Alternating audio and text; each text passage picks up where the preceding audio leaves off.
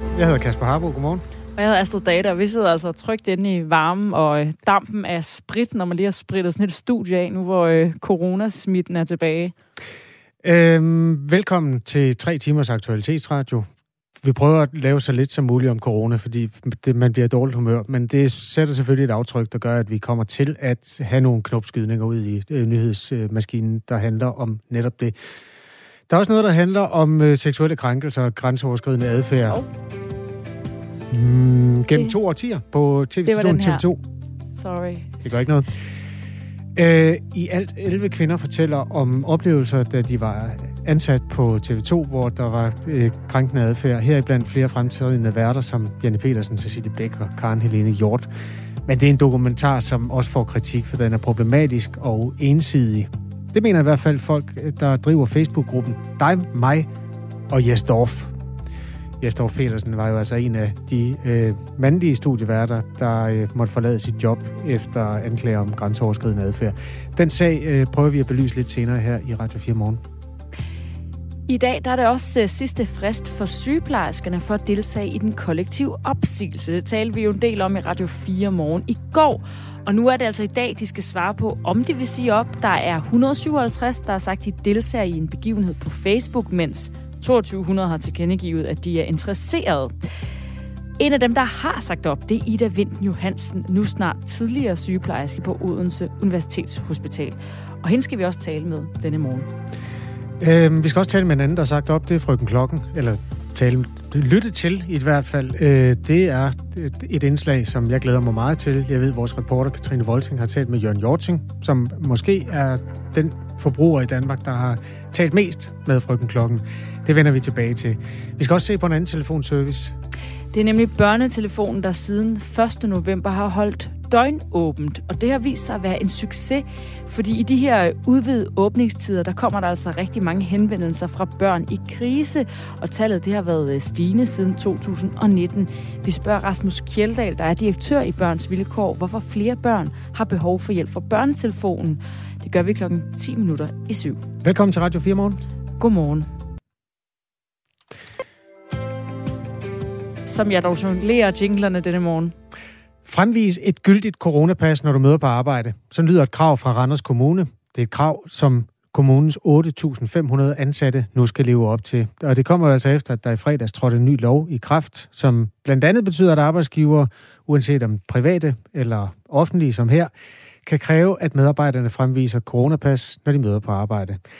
Men flere kommuner landet over stadig er i gang med at udarbejde retningslinjerne, så indførte Randers Kommune allerede i går det her krav. Og hvis man ikke følger det, så kan det få arbejdsretslige konsekvenser, siger kommunen. Kommunaldirektøren i Randers hedder Jesper Kås Schmidt. Godmorgen til dig. Lad os lige se, om vi har Jesper hos os. Godmorgen. Ja, godmorgen. Godmorgen, velkommen til Radio 4. Tak for det. Hvad gør du, hvis en medarbejder dukker op og ikke vil fremvise sit coronapas? Uh, jamen, altså, man kan jo sige, nu har vi jo sendt et uh, klart og tydeligt signal til alle vores medarbejdere om, at uh, man skal have et uh, coronapas uh, for at være ansat i Randers Kommune. Uh, så det har jeg selvfølgelig en uh, klar forventning om, at det vil alle medarbejdere efterleve. Hvad gør I, hvis en medarbejder dukker op og ikke vil fremvise coronapasset? Jamen altså, hvis det er sådan, at en medarbejder ikke uh, vil fremvise coronapas, så vil vi selvfølgelig sige til medarbejderne, at de faktisk skal gøre det. Øh, og hvis de ikke vil det, jamen, så kan det jo få ansættelsesretlige konsekvenser. Altså det vil sige, at man kan ikke være ansat i Randers Kommune, hvis man ikke vil vise et coronapas. Så det er simpelthen en fyringsgrund? I første omgang, der giver man jo, man følger jo de uh, retlige regler, der gælder. Det betyder, at man vil jo uh, give en uh, skriftlig advarsel, og hvis man ikke følger det, så vil man jo så vil det ende med en afskedelse. Hvem skal kontrollere medarbejderne? Det er jo ikke, øh, jeg går ikke ud fra, at du står og kontrollerer dem alle sammen Nej, ved indgangen. Hvordan, hvordan gør man det? Jamen altså, altså for det første, så har vi jo alle vores øh, tillidsrepræsentanter i vores øh, hovedsamarbejdsudvalg, de har jo alle sammen sagt, at de synes, det er det helt rigtige, så bakker de jo op om.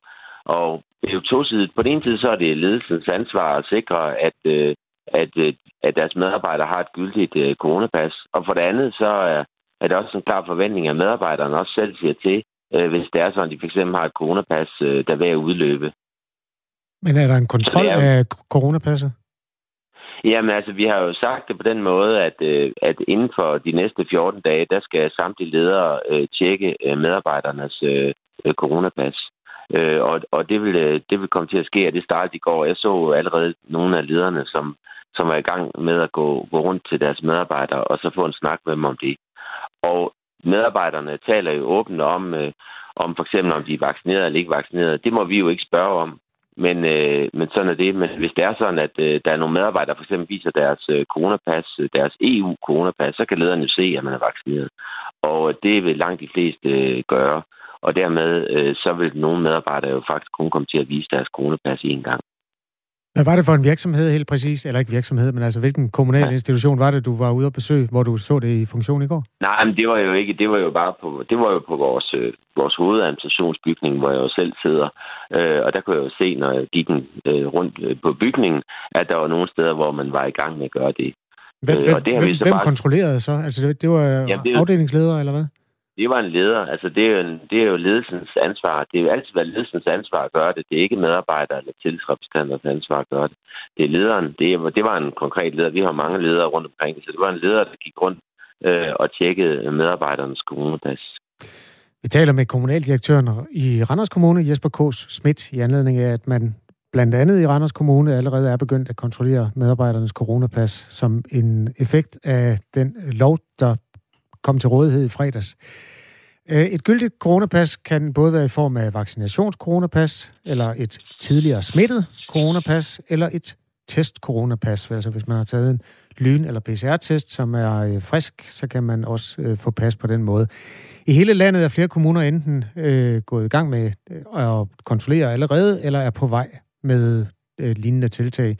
Det gælder blandt andet Skanderborg, Halsnæs, Vallensbæk, Varde og flere andre kommuner. Nu siger du, at tillidsrepræsentanterne har reageret positivt. Øhm, har du hørt fra ansatte? Nej, det har jeg faktisk ikke. Altså, nu, øh, nu, altså, jeg har ikke øh, fået nogen øh, reaktioner fra det altså, overhovedet. Altså, det, det var jo meget klar og utvetydig opbakning fra alle tillidsrepræsentanterne. Det er selvfølgelig fordi, at øh, alle er bakker op om, at vi er nødt til at gøre det sidste for at øh, få bugt med, med den her sygdom. Og det er jo et af de tiltag, som øh, vi kan gøre. Og det er jo ikke noget, der overrasker mange, fordi det kender man jo fra mange andre steder, hvor mange mennesker er samlet. Der skal man også vise sit øh, coronapas. Så det opfatter man som ganske naturligt, at, øh, at vi, vi også skal gøre vores del til det. Øh, og jamen, i vores region er der i forvejen en meget, meget høj øh, vaccinationsprocent. Øh, så, så jeg oplever ikke, at der er nogle medarbejdere, der synes, det er forkert. Og jeg synes, det er vigtigt, at vi har sendt et, et meget klart og utvetydigt signal om, at vi har jo også et ansvar for at gøre noget. Vi har også et ansvar for de borgere og de kolleger, som man er sammen med. Øh, og det betyder, at den måde, man sikrer sig på, det er, at man er vaccineret eller testet. Og det er, det er en klar og tydelig øh, forventning, øh, som vi har for medarbejderne, og det er også klare og tydelige konsekvenser, hvis man ikke følger det. Der er egentlig ikke så meget øh, slinger i valsen, og det, det, er, det har der bare været øh, stor opbakning til øh, fra vores øh, tillidsrepræsentanter. Og som sagt, jamen, øh, jeg har ikke hørt fra nogen endnu, øh, om man er utilfreds med det. Man er selvfølgelig lidt optaget af, hvordan det kommer til at foregå. Men, øh, men altså, hvis man som medarbejder oplever, at der er en klar forventning, så er det også jo klart mit indtryk, at det, det vil man selvfølgelig følge. Det gør man også i så mange andre ting, som vi melder ud, at vi har forventninger til vores medarbejdere. Mm. Det følger man selvfølgelig også og har en god snak om. Der er mulighed for at skrive ind til Radio 4 morgen. Det er der faktisk allerede en, der har gjort. Godmorgen. Vi skal kunne vise coronapas fra på torsdag i den private arbejdsplads, hvor jeg arbejder. Det er sgu fint nok. God dag til jer. God dag til dig, øh, der har skrevet til 1424. Start med R4 og et mellemrum. Øhm, lad os lige tale om de to typer pas, der findes. Altså, de mennesker, der er vaccineret, er nok de nemmeste at have med at gøre i den sammenhæng. Øh, hvis man ikke er vaccineret, og det er jo altså frivilligt i Danmark, så skal man i stedet øh, få et coronapas ved at lave de regelmæssige kontroller, øh, altså blive testet. Det bliver så tre gange om ugen faktisk, i hvert fald to gange om ugen. Øh, Jesper K. Schmidt, skal de ikke vaccinerede så have tjekket deres coronapas oftere? Jamen altså, som sagt, så er det jo den, der er jo den situation, vi kan jo ikke, kan jo ikke spørge medarbejdere, om de er vaccineret eller, eller ikke vaccineret. Øh, og det vil sige, at i teorien, så skulle vi jo i princippet øh, ja, tjekke øh, medarbejderens coronapas hver 48 timer. Ja. Øh, og det kommer selvfølgelig ikke til at ske. Altså, det, det kan jo ikke lade sig gøre. Det må, det må vi bare indrømme. Øh, og derfor så er det sådan, at det jeg hører, det er, jamen der er jo rigtig mange steder, så viser øh, medarbejderne faktisk øh, deres EU-coronapas, øh, øh eller faktisk siger selv, at de er vaccineret. Og det betyder, at så vil ledelsen jo meget hurtigt kunne finde ud af, øh, jamen der er nogle få medarbejdere, som øh, måske øh, kun er testet, og det er også øh, helt fint nok, fordi det har de jo ret til. Øh, og så er det dem, de vil, øh, de vil øh, hvad hedder det, øh, vise. Det er jo dem, de vil koncentrere sig om. Og så samtidig så, så siger vi også, jamen, medarbejderne har faktisk også selv et ansvar for at komme og sige, at, øh, at hvis de har et coronapas, der udløber. Og når medarbejderne ved, at det har en konsekvens, men ikke har det, så er jeg helt sikker på, at så vil de faktisk også opsøge deres ledere og sige, prøv at høre, jeg øh, kommer altså lige lidt oftere og viser mit coronapas, fordi det udløber. Mm. Øh, det er det helt have håb på fald. At de kom. Jamen, det har jeg da tillid til vores medarbejdere på, og det bliver jeg nødt til at tro på. Øh, og så vil ledelsen løbende øh, kontrollere øh, coronapas, og det vil være forskelligt fra mm. arbejdsplads til arbejdsplads. Nogle, der gør de det øh, oftere, øh, andre steder, der, går der, måske, der gør de måske en gang om uge, og nogle, der finder de ud af, fordi medarbejderne siger det, at de har, er vaccineret, ja. og så bliver det kun én gang. Jesper K. Schmidt, lige til sidst, altså hvis nu man er medarbejder i Vejer Park og går udendørs hele dagen, er man måske ikke så potentielt en smittekilde, som hvis man for eksempel arbejder på et plejehjem. Øh, hvad er grunden til, at I har lavet det her gælde alle steder, og ikke bare de steder, hvor man har sådan en, en følsom sfære, hvor man skal passe på nogle andre?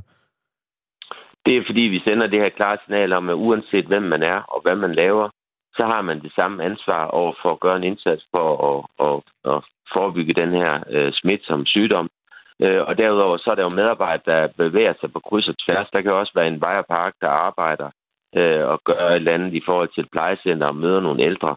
Øh, så, så det er meget nemmere, end at vi skal til at diskutere, om den ene medarbejder øh, skal det, og den anden skal ikke. Øh, det vil vi komme til at bruge en frygtelig masse tid på at diskutere. Så er det meget nemmere at sige, ved du hvad, ja. øh, en for alle. Øh, sådan. Tak fordi du var med, Jesper K. Schmidt. Det var så lidt. God dag i God dag. Randers Kommune. Kommunaldirektøren øh, på de kanter, som vi altså havde med her. Øh, Kurt er ikke tilfreds med det øh, nyindførte øh, forbud. Han får mindelser til noget, der skete omkring 1940. Øh, Kurt, han associerer sig frem til øh, ja, ting omkring 2. verdenskrig. Det er måske mere oplagt at få mindelser til noget, der skete i 1800-tallet, fordi der var der faktisk en øh, vaccinetvang over for, som jeg vidt jeg husker, var det kopper, der var obligatoriske øh, vacciner, og man kunne få en bøde, hvis ikke man tog den på det tidspunkt. Øh, så det er altså ikke første gang i verdenshistorien. Du må skrive en sms ind, Harbo. Ja, det kan jeg lige gøre, mens du tager den næste historie. Klokken er 18 minutter over 6. Seksuelle krænkelser, overgreb og nedladende kommentarer til unge kvindelige praktikanter og ansatte. Det er nogle af de ting, der kommer frem i en ny dokumentar, som sætter fokus på kulturen på TV2 fra 2001 frem til i dag. Her der står 11 kvinder, blandt øh, andre TV2-værterne Janne Pedersen, Cecilie Bæk og Karen Helene Hjort frem og fortæller om deres oplevelser om krænkende adfærd på tv-stationen. Men den her dokumentar, den er problematisk. Det mener du, Daniel Pinderup. Godmorgen. Morgen. Du er øh, talsmand for Facebook-gruppen, øh, der hedder Dig, mig og Jes Dorf, som har knap 400.000 medlemmer. Du er samtidig redaktør i Manderådet, der arbejder for mænds ligestilling. Og du har altså set den her dokumentar og mener, at den er problematisk. Hvorfor gør du det?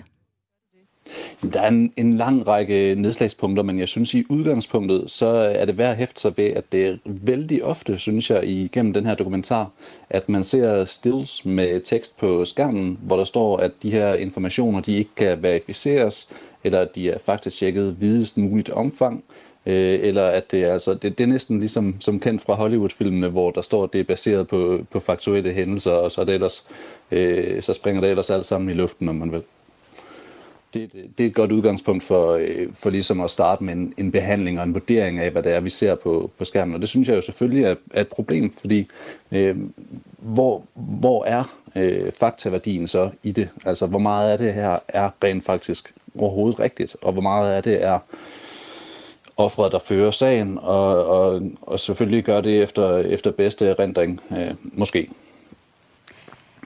Øh, jeg selv lige nogle fakta på den her øh, hvordan det den her øh, dokumentar i virkeligheden opstod, fordi det var i virkeligheden i kølvandet på den her MeToo-bølge, da TV2, da tv-vært Sofie Linde i 2019 fortalte om en episode, hvor hun af en mandlig tv-kanon blev bedt om at sutte pik, hvis hun ikke ville have sin karriere ødelagt. Efterfølgende der skrev flere end 700 kvinder i den danske mediebranche under på et brev, hvor de beskrev problemerne med seksuelle krænkelser. Brevet var skrevet af seks kvindelige TV2-medarbejdere, og det førte altså til, at TV2 sidste år indledte en uvældig advokatundersøgelse, som medførte 14 sager til behandling af advokatbyrået, hvoraf fem sager har ført til sanktioner i form af afskedelser eller skriftlige advarsler. Blandt andet blev værterne Jesdorf Petersen og Jens Skorbo afskedet på baggrund af advokatundersøgelsen. Hvad er det i det her, som, som du, du føler, du ikke tror på? Altså, hvis man skal starte et sted, så, øh, så kunne man sige, jamen det er jo selvfølgelig rigtig, rigtig mange sager, men omvendt, vi har jo heller ikke fået lavet nogen som helst form for grovsortering i det antal. Øh, det kunne være hvad som helst, fra øh, at man har, man har fået et blik til, til, til en klodset fløt, øh, til øh, i nogle af de her tilfælde, der er det jo noget så graverende som, som regulære voldtægter, øh, som, øh, som der bliver anklaget for. Og hvis man så ser på, hvad man bruger de her informationer til, altså at der er et antal sager, øh, som er i hele spektrummet af, af begivenheder, om man vil, jamen så kan man sige, at det her det bliver brugt som en, en øh, som om det er et faktuelt bevis for, at der findes en seksuel, eller en seksuel kultur, som er øh, ikke bare øh, overalt i, i arbejdsmarkedet, øh, i, i, eller i hvert fald på TV2, øh, men også at det simpelthen er over, over det hele og hele tiden, øh, og at det sker overalt, kontinuerligt. Øh, men man må også bare huske på, at fem sager over 20 plus år, det er jo ikke hele tiden. Altså, det øh, det er faktisk relativt sjældent set i forhold til at, altså en udlægning af, at, at det her det nærmest er kontinuerligt, at der pågår øh, ting, som er, er sådan helt graverende. Ikke? Øh, så kan man sige, at jamen, fem sager på 20 plus år, det, det er jo sjældent. Nu er det øh, TV2's øh, som arbejdsplads, den her dokumentar, den handler om, og deres øh, arbejdsmiljø, som altså bliver øh, altså præsenteret som at være øh, øh, præget af sexisme, i, især der i begyndelsen af nullerne, og så øh, dækker den altså frem til i dag. Er det ikke netop en dokumentar som den, der kan sætte fokus på problemerne, og øh, også starte en snak, som du taler om, i forhold til, hvordan har man en god kultur? Hvad er fløt? Hvad er voldtægt? Hvor er grænserne henne? Helt definitivt, og øh, hvis man har en, en, en ledelsesmæssig baggrund, så vil man også kunne, øh, kunne rendre sig den slags samtaler fra sin, sin uddannelse eller fra sine erfaringer, og det, det tror jeg ikke, at der er ret mange ledere, som er, eller det er der måske nok, men, men øh, det er ikke nogen, jeg har mødt i hvert fald, ledere, som, øh, som, som er helt ukendt øh, med, med den slags samtaler eller overvejelser. Øh, og jeg tror også på, at hvis man går tilbage til pionertiden for 20 år siden i, øh, i TV2, at det så var et lidt af et, altså et cirkus. Øh, på mig så virker det faktisk lidt som om TV2 var et cirkus dengang, en børnehave, om man vil. Øhm, og så kan man sige om, om pionerånd og, øh, og opbygningsperioder, øh, hvad, hvad man vil, men, men det lyder for mig meget, meget uprofessionelt øh, og, og med øh, rammer, der er, der er noget rigtigt rod. Men, øh, men at sige, at det nok også var sådan for for eksempel to år siden på TV2, det tror jeg, man vil få, få svært ved at få sat i søen. Øh, jeg tror på, at hvis man konkretiserer en kritik af, af, af TV2, øh, at man så også er nødt til at tage det historiske perspektiv med i det, at, at jamen, kritikken den hører måske til for 20 år siden, og ikke i forgårs. Øh, det tror jeg også er en meget, meget vigtig ting at få med i det her, fordi hvis man, hvis man siger, at jamen, vi er nødt til at gøre op med, øh, med den her seksualiserede kultur på TV2, er det så i virkeligheden, at man, man dukker op i 13. time og begynder at sparke en, en åben dør ind, eller, øh, eller er det, er det vidderligt så skidt, som, som det var dengang stadigvæk? Øh, fordi jeg tror, jeg tror, jeg tror altså, man får svært ved at få, få alle overbevist om, at, øh, at den er helt så gal, som, øh, som den måske var engang i forhold til det her slendrian, som, som man hører om. Og her mener jeg ikke kun i forhold til, til seksual, seksualiseret kultur, jeg tænker også som generelt professionalisme. Ikke? Altså, det, yes. lyder, det lyder uprofessionelt. Jesdorf, han er, Jesdorf Petersen, han er den eneste i dokumentaren, der med navn bliver anklaget for at have overskrevet to kvinders grænser. Og han har afvist at medvirke i dokumentaren, men i et Facebook-opslag, der skriver han blandt andet, jeg afviser ikke, at de faktiske episoder, som en af kvinderne henviser til, har fundet sted. Der for et år siden i forbindelse med TV2's advokatundersøgelse blev gjort bekendt med hendes anmeldelse, skrev jeg derfor til hende og tilbød hende en uforbeholden undskyldning. Hvorfor er, er denne dokumentar problematisk, når for eksempel Jastorf Petersen har haft mulighed for at medvirke, og ikke afviser at skulle have forgrebet sig på en af kvinderne? Nu er altså den, den sag, som han, øh, som han taler om her, det er øh, den mindst graverende af de to, som, øh, som der var blevet rejst mod ham. Og ifølge advokatundersøgelsen imod ham, øh, heller ikke den, som, øh, som de brugte som motivation for at fyre ham. Øh, det var en, en anden og meget mere graverende, som, som han afviser. Øh, så allerede der, der er vi ude i, at, at billedet det bliver, øh, bliver lidt mudret til i det her. Og, øh, og i virkeligheden, at vi ser en, en retssag udspille sig for, for, for vores øjne i, i al offentlighed og i, i det, man vil kalde en, en, øh, en, en folkeret, om man vil. Øhm, det synes jeg jo selvfølgelig er, er problematisk. Øhm, og jeg, jeg vil også sige, jamen, vil man selv, hvis man var øh, tiltalt for hvad som helst andet, eller øh, hvad det nu måtte være, ikke? Altså, hvis, hvis, nu man, hvis nu man stod i den der situation, eller prøvede at, at sætte sig ind i, hvad det er for en situation, Jesdorf han er blevet bragt i, vil man selv stole på, at en dokumentarist, som skal lave den her, den her film, og gerne gøre den så sensationel som muligt, at de tilstræber, at det alt sammen er sådan, så fair som muligt over for, øh, for både anklagende og, og øh, forsvarende part, øh, part i, i det her? Eller øh, vil de måske have en interesse i at skrue lidt op for, øh, for, øh, for saftighederne, når man vil. Altså, jeg, jeg vil have svært ved at, at finde en tillid til øh, den dokumentarist, hvis det, var, hvis det var mig, der stod i situationen, forestiller mig. Du, øhm. øh, TV2's administrerende direktør, Anne Engdahl Stig Christensen, hun har også set den her dokumentarserie, og hun sagde i går til TV2, at dokumentarserien bekræfter, at der gennem en årrække har været en usund og helt uacceptabel kultur på TV2, og hun vil, gerne, øh, hun vil gerne anerkende og takke kvinderne. Det er en vigtig historie at få frem, og det har ikke været let for de medvirkende Udsendelsen bekræfter mig i, at det var en rigtig beslutning at i gang sætte en advokatundersøgelse for at komme til bunds i sager om krænkende adfærd på TV2. Øh, er du uenig med hende, Daniel Pinderup? Det er, øhm, altså, hvis man skulle gøre det lidt mindre kategorisk, så, øh, så, vil jeg, øh, så kan man jo øh, analysere ned i, hvad det er, hun siger. Øh, hun siger, at der har været en, en skidt kultur, øh, og det har der givetvis også været, været om, om end det måske har været for 20 år siden. Øh, måske det har været ganske rigtigt at, at gennemføre den her advokatundersøgelse, men der, man kan også sige, at den her advokatundersøgelse jo absolut ikke er blevet udført øh, på en måde, som er okay, fordi mm, altså, det, advokatsamfundet har stemplet den ansvarlige advokat for at tilsidesætte god advokatskik undervejs. Øh, og der er stadigvæk flere kritikpunkter undervejs. Muligvis er der blevet brudt øh, GDPR-lovgivning undervejs. Det, det er også noget, som Datarådet er ved at behandle.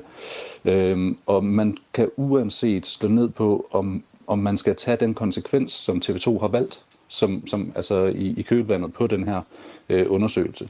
Øh, så så det, altså det her med den her, det her forløb med advokaten og generelt forløbet, det, det gør altså, at du, du sætter spørgsmålstegn ved øh, troværdigheden af de her historier. Synes du heller, at der ikke skulle have været nogen historie, at den her dokumentar ikke skulle være kommet frem?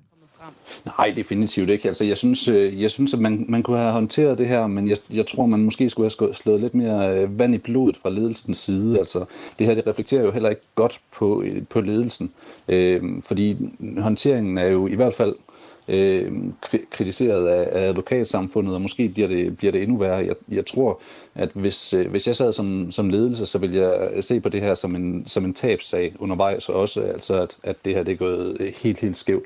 Og jeg hæfter mig ved, at, øh, at tak. den, den her... Nå. Tak. Ja, undskyld, jeg afbryder dig, øh, Daniel Pinderup. Du, øh, jeg vil bare lige have din titel med. Talsmand for Facebook-gruppen Dig, mig Jes Dorf, og redaktør for Manderådet, som kæmper for mænds ligestilling i samfundet, og som altså kigger kritisk på TV2's, eller på dokumentaren om sexisme på TV2. Tak, fordi du var med. Jamen selv tak. Du lytter til Radio 4 morgen med Astrid Date og Kasper Harbo, og nyhedsvært Henrik Møring. Klokken er halv syv.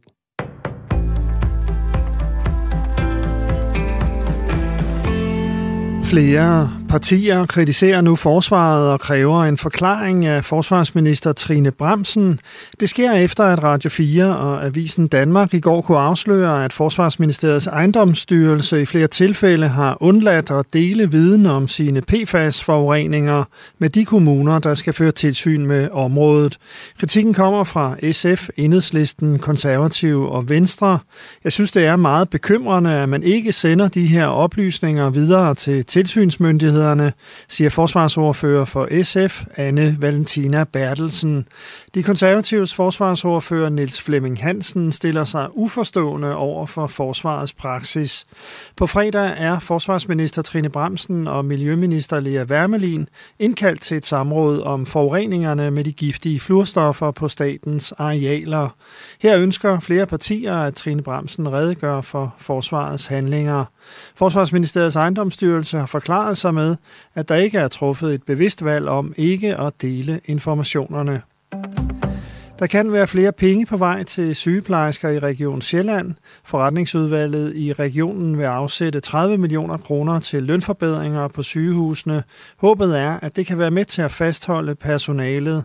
Halvdelen af pengene skal gå til varige lønløft, den anden halvdel til indgangstillæg i 2022. Meddelelsen kommer i en tid, hvor sygeplejersker længe har råbt op om for lav løn og dårlige arbejdsvilkår. En gruppe af sygeplejersker har endda opfordret til, at andre sygeplejersker siger op inden december i protest mod deres arbejdsvilkår. Ukraine frygter en invasion med tusindvis af russiske soldater tæt på sin grænse. Forud for et NATO-møde i dag advarer landet om risikoen for en mulig russisk invasion. I værste fald vil Rusland ved brug af magt forsøge at flytte grænserne i Europa, som det gjorde i Georgien i 2008 og i Ukraine i 2014, siger den ukrainske udenrigsminister. Ministeren anslår, at der i øjeblikket er 115.000 soldater udstationeret på den russiske side af grænsen mellem Rusland og Ukraine. Hverken USA's præsident Joe Biden eller landets statsepidemiolog Anthony Fauci regner med, at en ny coronavariants indtog vil føre til nye restriktioner for rejsende. I hvert fald ikke endnu, siger de til CNN. Den nye variant gør sit indtog i lande over hele verden, men i USA er der endnu ikke bekræftet nogen tilfælde af omikron-varianten inden for landets grænser. Før eller siden kommer den dog til USA, medgiver præsidenten. Vi kommer til at bekæmpe og besejre denne nye variant, siger Joe Biden ifølge Reuters. En kraftig storm ramte i går Istanbul og andre dele af Tyrkiet og dræbte mindst fire. 19 blev kvæstet. Samtidig forårsagede uværet kaos i Istanbul, hvor der bor 15 millioner millioner mennesker. Det rapporterer det statslige nyhedsbureau Anadolu. Det har været en travl morgen for politiet i Nordjylland, hvor glatte veje på mindre end halvanden time har ført til fire trafikuheld. Ingen er dog kommet til skade, oplyser politiet. Nordjyderne skal ræbe sejlene. Ifølge DMI er der til morgen varsel for stormende kuling og vindstød af stormstyrke i Nordvestjylland. Nordjyderne skal også forberede sig på snestorm i morgen. Her ventes der at falde mellem 15 og 30 cm tøsne. De østlige egne får først på dagen sne, slud eller regn, ellers klarer det op med lidt sol, 2-6 grader og frisk vind til cooling omkring vest.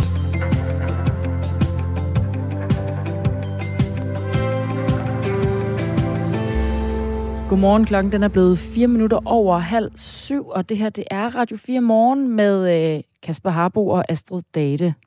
Vi skal se på børnetelefonen, vi skal se på årets bil, vi skal lave et lille memoir over frøken Klokken, som har sidste arbejdsdag i dag. Og øh, er der corona? Det er faktisk ikke ret meget, vi skal tale om det i dag. Nej. Ingen vaccinediskussioner eller noget? Vi nåede lige omkring øh, coronapas på arbejdspla- offentlige arbejdspladser. Det er sandt. Hvis du er stået op nu, så øh, kan du glæde dig til en dag, hvor nyhedsbilledet er domineret af noget andet. Og øh, hvis du ikke kan leve uden corona, så kan jeg bestemt ikke afvise, at det kniver sig ind i en sprække mellem nogle af de andre historier. Velkommen til Radio 4. Velkommen.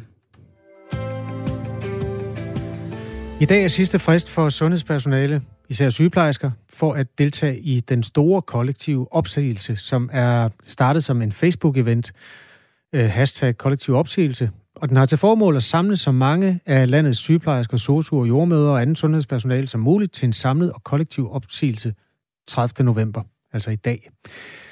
Nu ved man aldrig helt, hvad øh, Facebook om, hvad, hvad der er virkeligt, og hvad der er sådan mere tomme tilkendegivelser, men der er i hvert fald 157, der har svaret, at de deltager i begivenheden, som også bliver fuldt på afstand af over 2.000. En af dem, der rent faktisk har sagt op, det er Ida Vinden Johansen, snart tidligere sygeplejerske på Odense Universitetshospital. Godmorgen. Godmorgen. Hvorfor sagde du op?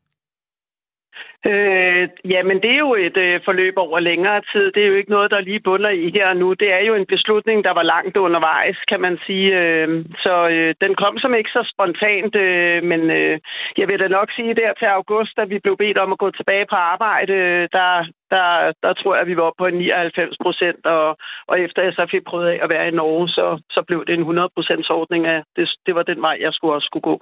Vi vender tilbage til Norge, men lige for at høre, hvad det var, du ikke brød dig om ved dit nuværende arbejde. Hvad var det så?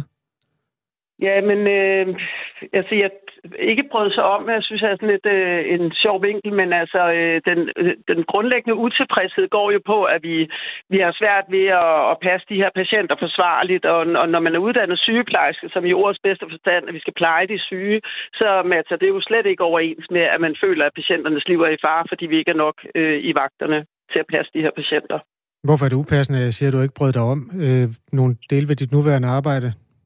Nej, men altså bryder sig om, det er jo sådan en, øh, det ved jeg ikke, jeg synes ikke, det, det er en særlig faglig vinkel at se på det. Altså, øh, det her, det bunder jo i en stærk utilfredshed, der er bygget op over mange år. Det er jo slet ikke øh, bare de sidste par år, vi, vi taler om her. Jeg kan i hvert fald sige, at de sidste fire til seks år har der været så effektueret og så, så meget sparevinkel på øh, sundhedsvæsenet, at, øh, at der er blevet trængt på gulvet, og dermed kommer patienterne i knibe. Så, så det er jo en øh, decideret utilfredshed og kritik, hvor jeg ser bryder sig om. Det er sådan mere afhængigt af, hvad vi spiser til aftensmad. Det er jo lidt mere let fordøjeligt. Okay, øh, godt. Så lad os kalde det noget andet. Når du så siger op for patienternes skyld og tager arbejde ved et vikarbyrå i Norge, hvor du skal passe nogle andre patienter, hvordan hænger det så sammen? Det hænger sammen med her, der føler jeg faktisk, at jeg kan yde de patienter en retfærdig pleje, og øh, jeg skal ikke gå og være nervøs for, at jeg begår fejl i mit virke, øh, så jeg sætter min autorisation øh, over styr, hvor jeg så risikerer fuldstændig at miste mit virke helt. Så, så det kan jeg fint få til at hænge sammen. Øhm, Hvad er konkret forskellen? Over, at... Helt præcist, hvor, er det, du mærker forskel i det daglige, når du arbejder som sygeplejerske i Norge og hjælper de norske mennesker med deres helbred, i forhold til øh, dit nu foranværende arbejde i Danmark? Jamen, det er jo simpelthen nummeringerne. Vi er, vi er bare flere på gulvet. Altså, jeg kan sige, at jeg var i aftenvagt i går, øh, min første vagt efter ferien, og øh, jeg Ja, jeg måtte lige tælle her til morgen, hvor mange var vi egentlig, fordi egentlig bruger man slet ikke sin energi på det, for man ved bare, at man er nok.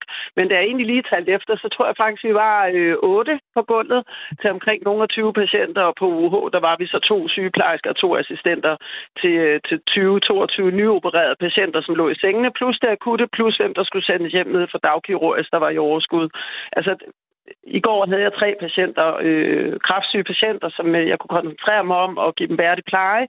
Øh, I Odense havde jeg mellem 8 øh, og 12, 15 stykker, afhængig af, hvordan vagten så ud.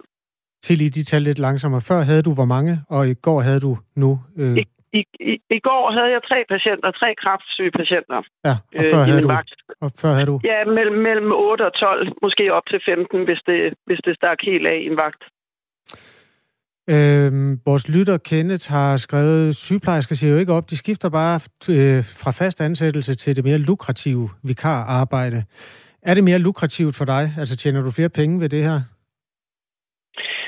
Altså penge er altid en relativ ting, og det kommer jo an på, hvor mange vagter jeg tager, eller hvor mange timer jeg er på arbejde koncentreret her i Norge. Det kan man sige, man kan tjene rigtig gode penge i Norge, men man kan også overkomme arbejde måske øh, mellem 50 og 60 timer på en uge. Derhjemme mm. kan man dårligt honorere 30 timer, og, og så ser man ikke sin familie, så bliver man pålagt nogle vagter.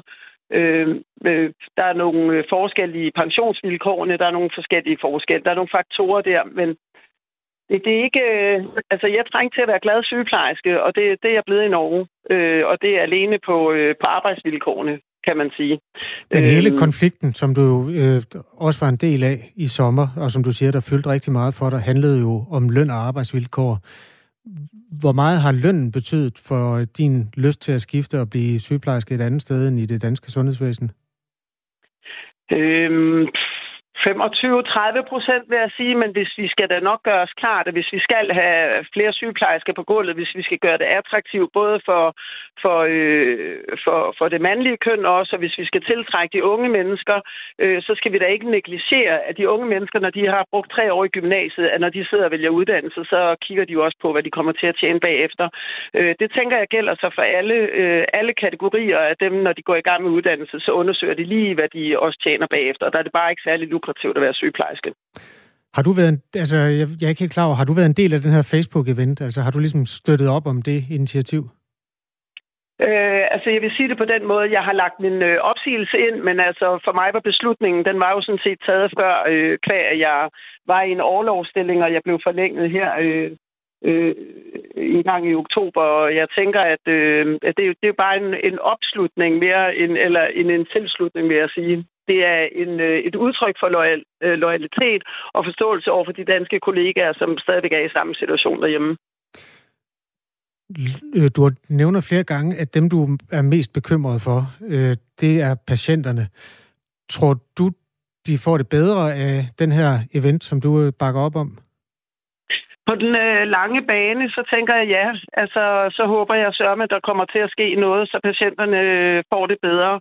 Jeg kan jo ikke se, som jeg siger, det her det er ikke kun under corona. For mig har det, hvis du spørger mig, har det i hvert fald 4 til seks år. Jeg har 20 år på gulvet på de danske sygehuse, og jeg kan i hvert fald godt huske, at tingene var anderledes. Øhm, og, og jeg vil sige, at øh, Øh, øh, der har jo været råbt op om det her længe. Lydhøren er måske ikke så høj som lige nu, hvor øh, at det ikke øh, batrede noget bare at sende os tilbage øh, på arbejde. Som du siger, det var jo både løn og arbejdsvilkår, vi strækkede imod her i december eller i august, og vi blev bedt mm. om bare at gå tilbage på arbejde. Øhm, jeg ved ikke, hvad de havde forventet, øhm, men, øhm, men, men det er ikke sådan, at vi ser verden. Det er jo i hvert fald blevet tydeligt, at der skal ske noget. Vi er bange for vores patienter og deres øh, liv og velvære, når de er inde på de danske sygehus. I går lavede vi interview med Luca Pristed, der er initiativtager til det her event, og som øh, ligesom er en form for talsperson for det. Der kom mange øh, sådan, tilkendegivelser fra folk, der lyttede med, som sådan enslydende var omkring det der med, at der er nogle patienter, der vil komme i klemme som følge af det her.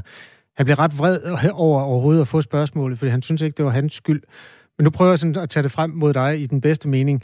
Altså, der vil være nogle mennesker på den korte bane. Altså den lange bane har, har du en tiltro til, at det kan få en effekt. Men på den korte bane, så er der nogle mennesker, der vil øh, få deres operationer aflyst og komme til at, lide under øh, det her, øh, sådan, hvad skal man sige, hvis det breder sig meget som ringe i vandet, og mange siger op. Hvordan har du det med det? Jamen, det har jeg da ganske forfærdeligt med. Det vil jeg da sige, øh, som jeg bare kan gentage. Altså, for os sygeplejersker, som er interesseret i at pleje de syge og, øh, og værne om, om de syge i vores samfund, øh, er der da ingen tvivl om, at det, det er jo øh, det er da ikke en god tanke. Øh, men, men man bliver nødt til at se det i et større perspektiv. Øh, altså, det er jo lidt det samme, som når, når vores øh, politikere siger, at vi bliver nødt til at se det i et større perspektiv, og der kommer en lønkommission om tre år, og i mellemtiden, så må vi bare passe vores øh, arbejde øh, og, og, og nikke stiltigende til det, selvom vi ved, at hver dag er vores patienter er i fare, og vi ikke er nok på arbejde, og folk kan ikke få deres familieliv til at hænge sammen, og folk går ned med stress, hvilket også koster samfundet øh, stort. Og altså, øh, det er jo i det store perspektiv, men spørger du mig personligt, så synes jeg, at det er forfærdeligt, at det bliver nødt til at være sådan her. Det er der, der ingen tvivl om. Hvor mange håber du, der siger op i dag? Jamen, øh, det har jeg ikke noget tal på. Håber du, det er mange, eller håber du, det er få? Det har, jeg, det har jeg slet ikke. Altså, det, det tænker jeg egentlig ikke, øh, jeg har noget tal på, øh, og det har jeg ikke nogen mængde af. Jeg, jeg håber, at vi har nogle øh, politikere, der vil øh, øh, begynde at i tale til problemerne, som de egentlig er, i stedet for, i går var der en fra danske regioner, øh, der udtalte, at de var i gang med at nedsætte en gruppe, der skulle se på nogle ting. Altså, hvis det... Altså, altså det her har jo som sagt stået på i mange år, så, øh, så jeg tænker, at de, de må få øjnene op for, hvad det er, der foregår. Øh, hvad det er, utilfredsheden går på at adressere det. Det er jo, det er jo politikere skabt, så det må også politikere reddes. Mm. Det er deres opgave. Hvis nu vi siger, at der bliver gjort et eller andet ved arbejdsvilkårene, så det ikke føles så hårdt at øh, gå på arbejde, altså at, at man har mere tid til den enkelte patient.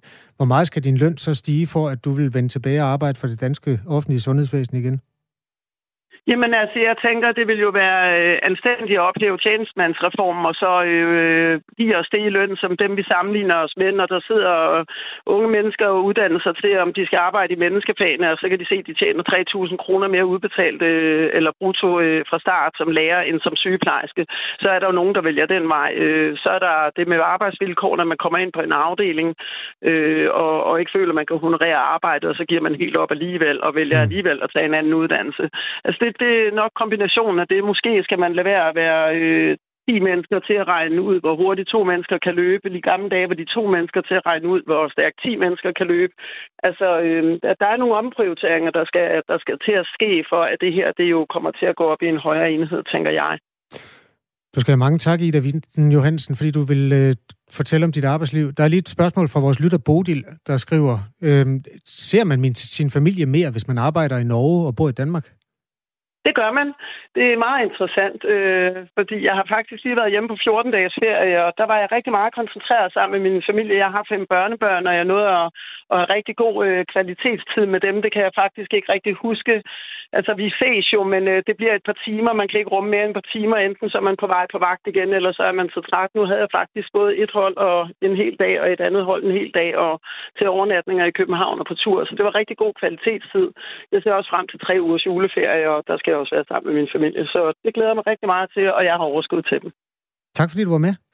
Ja, det var så lidt. Ida Vinden Johansen, som altså er sygeplejerske, nu arbejdende for et vikarbureau i Norge. Vi har forsøgt at få fat i en sygeplejerske, som var imod de her kollektive opsigelser. Indtil videre har vi faktisk ikke hørt fra nogen, øh, eller jo, vi har været i kontakt med flere, men der har ikke været nogen, der har haft lyst til at stå frem og være med, øh, fordi det også øh, kan være et lidt upopulært øh, standpunkt i en tid, hvor ja, fronterne er hårdt trukket op. Hvis du er sygeplejerske og er hvad skal man sige, synes det her det er den forkerte vej at gå, så er du også velkommen til at give lyd. Altså, vi taler med alle tider øh, i den her sag. Hvis du har lyst til at være med, så skriv til os på 1424. Du kan også øh, naturligvis skrive anonymt, eller medvirke anonymt, øh, som sygeplejerske. Det er, eller sundhedspersonale i det som hele taget. Altså ikke vil sige op, ikke? Jo, som ikke vil sige op, lige præcis. Øh, 1424 er det telefonnummer, man skal skrive til. Send en besked, og du skal lige starte med R4 og et mellemrum, så kommer den ind til os. Vi tager lidt kort smut til Barbados. Mm, det er som ja, en del nok kender som et øh, karibisk paradis. Nogen måske kender som øh, popstjerne Rihannas hjemland. No. Shine bright like a diamond. Shine bright like a diamond. Men altså, øh, efter det, så stopper øh, den mest basale viden om øh, den østliggende ø i Karibien nok også nogenlunde der. Men der sker altså ting og sager i øh, det lille paradis, for i dag på 55-året for landets uafhængighed, der skifter øen styreform.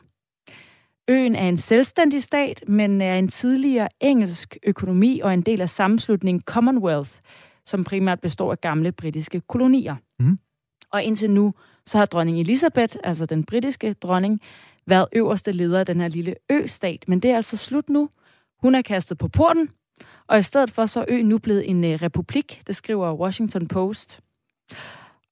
Og man kunne forestille sig, at der var uh, dårlig stemning i forhold til den her beslutning fra uh, britiske øjne, men uh, det skjuler de i så fald rigtig godt, fordi prins Charles han er altså taget til Barbados for at deltage i uh, festlighederne omkring den her uh, frigørelse af dronning Elizabeth.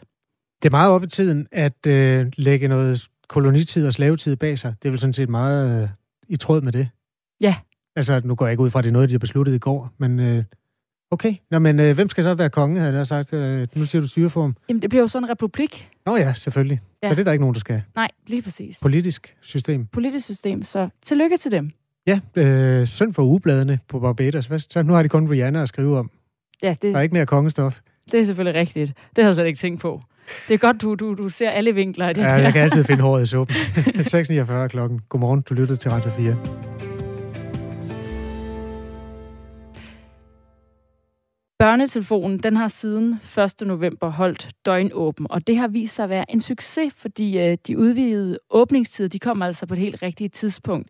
I december der har antallet af henvendelser fra børn i krise nemlig været stigende siden 2019. Rasmus Kjeldal, du er direktør i Børns Vilkår. Godmorgen. Godmorgen. I har altså nu øh, døgnåben, og vi snakkede også med dig, eller jeg snakkede med dig, da I tog den her beslutning. Og nu er der gået en måneds tid. Hvordan har, øh, hvordan har det gået i, øh, med at have åbent hele døgnet rundt? Ja, så udviklingen har i hvert fald vist, at det var den helt rigtige øh, beslutning. Vi har natten øh, fyldt op med samtaler for alle dem, øh, der er på vagt, og som vi havde forventet, og kan man sige desværre viser sig at være rigtigt, øh, så er det nogle meget øh, alvorlige, tunge samtaler, og øh, meget ofte nogle, hvor vi også skal sørge for, øh, at der kommer hjælp frem, hjælp frem, altså i form af myndigheder, politi eller, eller ambulance. Så, øh, så, så, så det har altså vist sig at være et, øh, et, et behov, som, som var der. Hvad er det for eksempel, børn ringer om? Ja, altså det kan jo være mange forskellige ting. Øh, der er øh, børn, som lever i misbrugsfamilier, og hvor misbruget øh, jo ofte eskalerer om, om aftenen. Det kan udarte sig til vold. Der er børn, der har angst og overhovedet ikke kan sove og ikke føler, de får hjælp Øh, for deres angst. Og så er der øh, ret mange, øh, kan vi sige, selvmordstanker, børn, som, som er, er, er bange for, hvad de kan finde på at gøre ved sig selv, og der er desværre også nogle af det der, vi skal have fat i, i ambulancen, som er i, i, i, i fuld gang. Øh, så øh, børnetelefonen spiller en meget, meget afgørende rolle, øh, også efter midnat. Og i den her uge, der går vi jo så ind i december, og her har børnetelefonen ekstra travlt, og der er stadig flere børn, som altså har behov for hjælp i julemåneden. Fra juleperioden øh, tilbage i 2019 til juleperioden sidste år, der er der sket en stigning i samtaler på 16,6 procent, altså på bare et enkelt år. Hvad er det særligt øh, her i december, at børn henvender sig med? Jamen, der er nogle af problematikkerne, der, der ændrer sig lidt, øh, specielt hvis man øh, selv er, er udsat og ikke får øh, den omsorg, som man øh, har krav på og behov for for sin nærmeste, jamen så kan det være øh, ekstra svært, og man kan føle sig meget alene, hvis øh, ens klassekammerater øh, for eksempel har en masse spændende øh, julearrangementer, øh, familiesamvær øh, og, og, og, og, og så videre.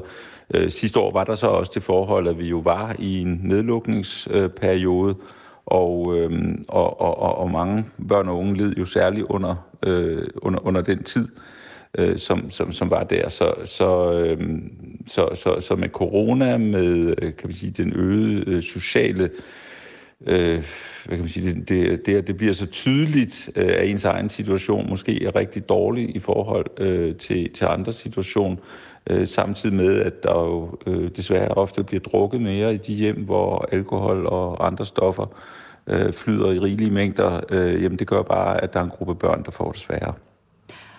Det var så corona sidste år, der måske kan, kan forklare stigningen der. Hvad forventer du af antallet af henvendelser så denne jul, hvor vi jo så har åbnet samfundet lidt op igen? Ja, min forventning er egentlig, at, øh, at stigningen øh, fortsætter. Øh, corona er også begyndt at spille en rolle mange steder nu. Vi har fået diskussionen omkring vaccination af, af børn, hvor hvor børn også bliver udsat øh, for pres, øh, om de skal vaccineres eller ikke vaccineres. Det kan de voksne nogle gange være meget uenige om, og, og, og det kan være svært at navigere i for, et børn, for børnene, men den konflikt, der kan være mellem voksne, øh, følger jo desværre ofte med hen i, i, i skolegården, hvor, hvor der ligesom kan være øh, nogen, der bliver holdt udenfor, øh, fordi de er vaccineret, eller, eller, eller det modsatte. Øh, så, så, så det er blevet en mere kompliceret øh, virkelighed for børnene er der øh, i år. Så, øh, så ja, min forventning er desværre, at, øh, at vi får øh, flere opkald. Øh, når oven i det kommer altså også, at, at tal viser, at vi år for år får lidt flere børn og unge, som har det psykisk svært. Der er desværre en kurve, som, som vender opad, og den er jo så også med til at, at, at, at skabe et øget behov for at tale med nogen på børnetelefonen og få nogle gode råd til, hvordan man kan øh, få ændret sin situation i en positiv retning. Vi skal faktisk tale om øh, det, du nævnte øh, lidt før, det her med børn, der kommer lidt i klemme med deres forældre, hvis de ikke er enige om, hvorvidt barnet skal vaccineres. Hvad siger I til de børn, som øh, ringer ind med sådan en problematik? Jamen, for os er det ret vigtigt at øh, sige til barnet, at det, det er jo noget, øh, de voksne skal træffe en øh, beslutning om. Og øh, det er vigtigt at få, få talt øh, i familien om, omkring den øh, beslutning, øh, man øh, træffer, og, og der er ro på, og det ikke er et, øh, et konfliktfyldt øh, område. Øh, så opfordrer vi også børn, og det vil sige, det er jo i meget høj grad også forældre, der ringer på vores øh, forældretelefon, øh, Øh, til at få afklaret med, med andre forældre øh, i, i, i barnets miljø, sådan at man har et, øh, et, et godt indtryk, hvad situationen er. Så det ikke er barnet, der ligesom skal gå og tage ansvar og tumle med forældrenes beslutning, men at det er forældrene, der tager ansvar for den beslutning, der er, er, er truffet, og også for den øh, beslutning, skal man sige, kommer hele vejen rundt om barnet, både i forhold til sundhed og trivsel og, og psykisk trivsel og, og, og, og, og, og hvad det betyder for barnets hverdag. Og hvad, øh, det var så ja, den her øh, coronavaccine, ja, som kan skabe noget problematik lige aktuelt her. Hvis du bare lige skal give et eksempel på noget hjælp i, i december her til sidst, altså hvad er det så særligt, I hjælper med, øh, når børn ringer ind der?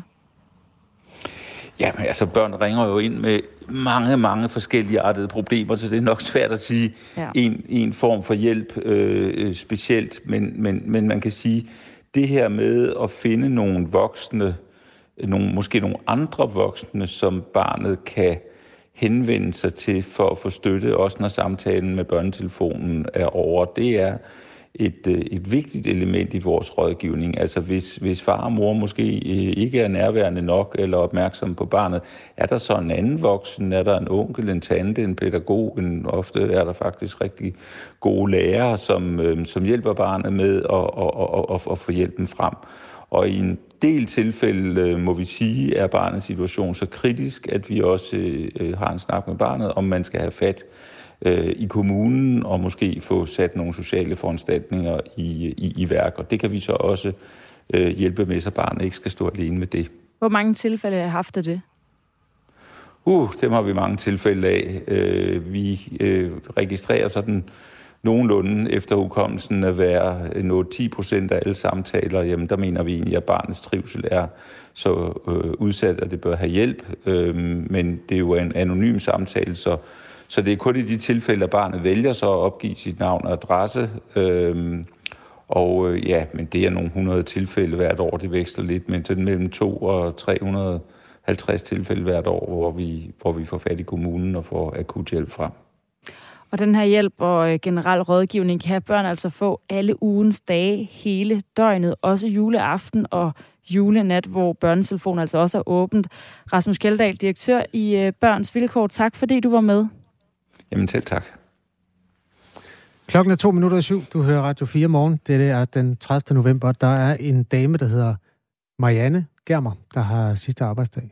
12, 33 og 20. Jeg kan særlig godt lide den måde, hun siger 33 på.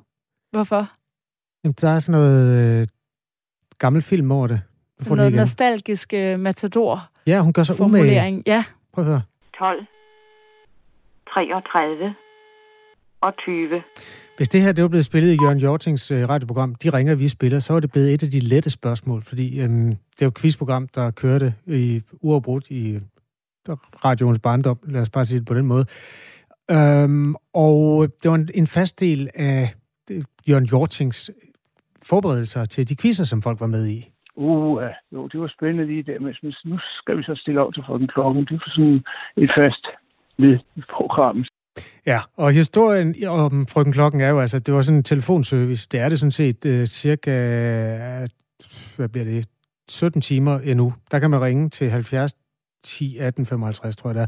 Og for at vide, hvad klokken er, det kan du altså også få at vide rigtig mange andre steder, og derfor har den øh, service overlevet sig selv. Og derfor sætter vi øh, lidt senere på morgenen øh, lidt mere lys på, hvad det var, frøken Klokken egentlig bidrog med. 11.55 får jeg at vide af min skarpe producer, øh, Simon Sandemann. Altså 70 10 11.55. Det kan godt være, at du allerede ved, hvad klokken er, men for en god ordens skyld, så vil jeg da varmt anbefale. Hvis du også kan lide den dame der, og, og ringe ind, og, og lige, lige få den, det helt præcise klokkeslæt øh, fra ja, den her Danmarks historiske telefonservice. 12, 33 og 20. Vi fejrer hende med et lidt længere indslag, og øh, Jørgen Jorting er også med. Øh, det gør vi sådan om et god halv time her i Radio 4 morgen. Og fremover så kan du altså få det præcise klokkeslag også om, øh, hos os her om morgen, fordi øh, der er jo nyheder klokken helt, og nu er klokken syv.